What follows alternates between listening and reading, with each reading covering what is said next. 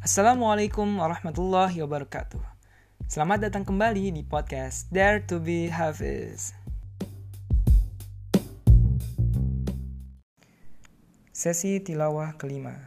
Insya Allah, pada kesempatan ini kita akan sama-sama membacakan Quran halaman kelima, yaitu surah Al-Baqarah ayat 25 sampai 29. Yuk langsung persiapkan Qurannya. Kalau udah, Mari sama-sama kita mulai aja tilawahnya. Tapi kalau ada yang lagi berhalangan, boleh aja nih, kita dengerin aja. Kita dengerin tilawahnya dan insya Allah bagi yang membaca dan yang mendengarkan sama-sama dapat rahmat dari Allah.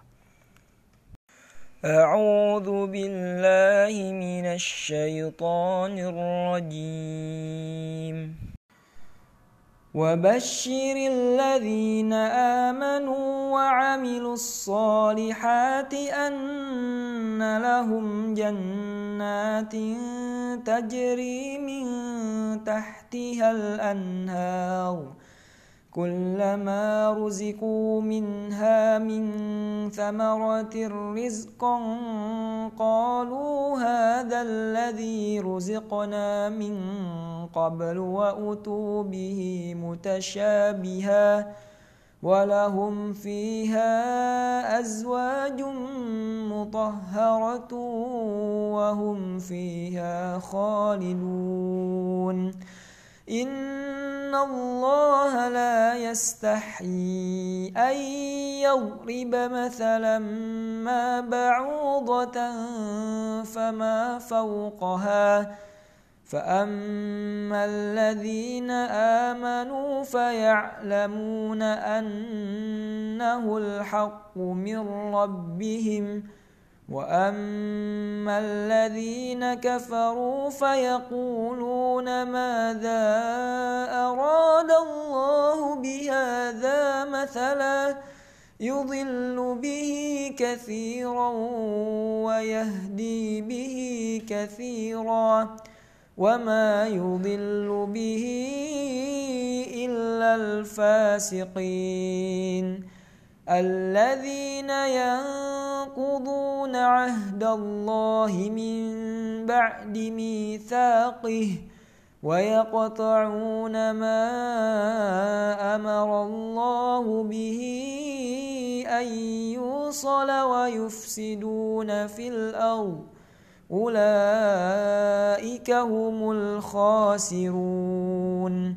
كيف تكفرون بالله وكنتم أمواتا فأحياكم ثم يميتكم ثم يحييكم ثم إليه ترجعون هو الذي خلق لكم ما في الأرض جميعا ثم استوى إلى السماء فسواهن سبع سماوات وهو بكل شيء عليم Aku berlindung kepada Allah dari godaan syaitan yang terkutuk. Dan sampaikanlah kabar gembira kepada orang-orang yang beriman dan berbuat kebajikan, bahwa untuk mereka disediakan surga-surga yang mengalir di bawahnya sungai-sungai.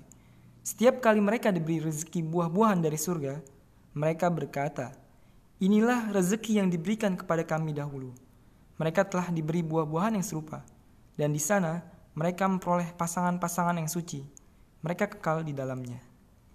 Sesungguhnya Allah tidak segan membuat perumpamaan seekor nyamuk atau yang lebih kecil dari itu.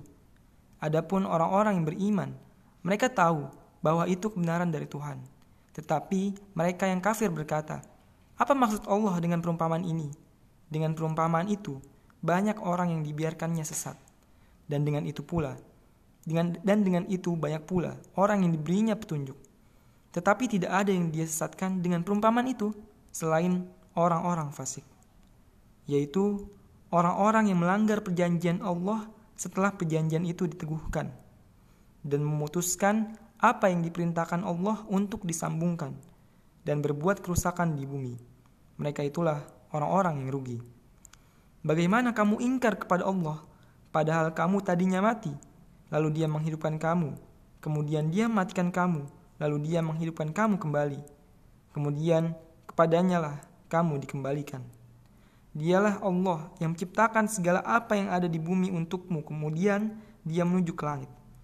Lalu dia menyempurnakannya menjadi tujuh langit. Dan dia maha mengetahui segala sesuatu.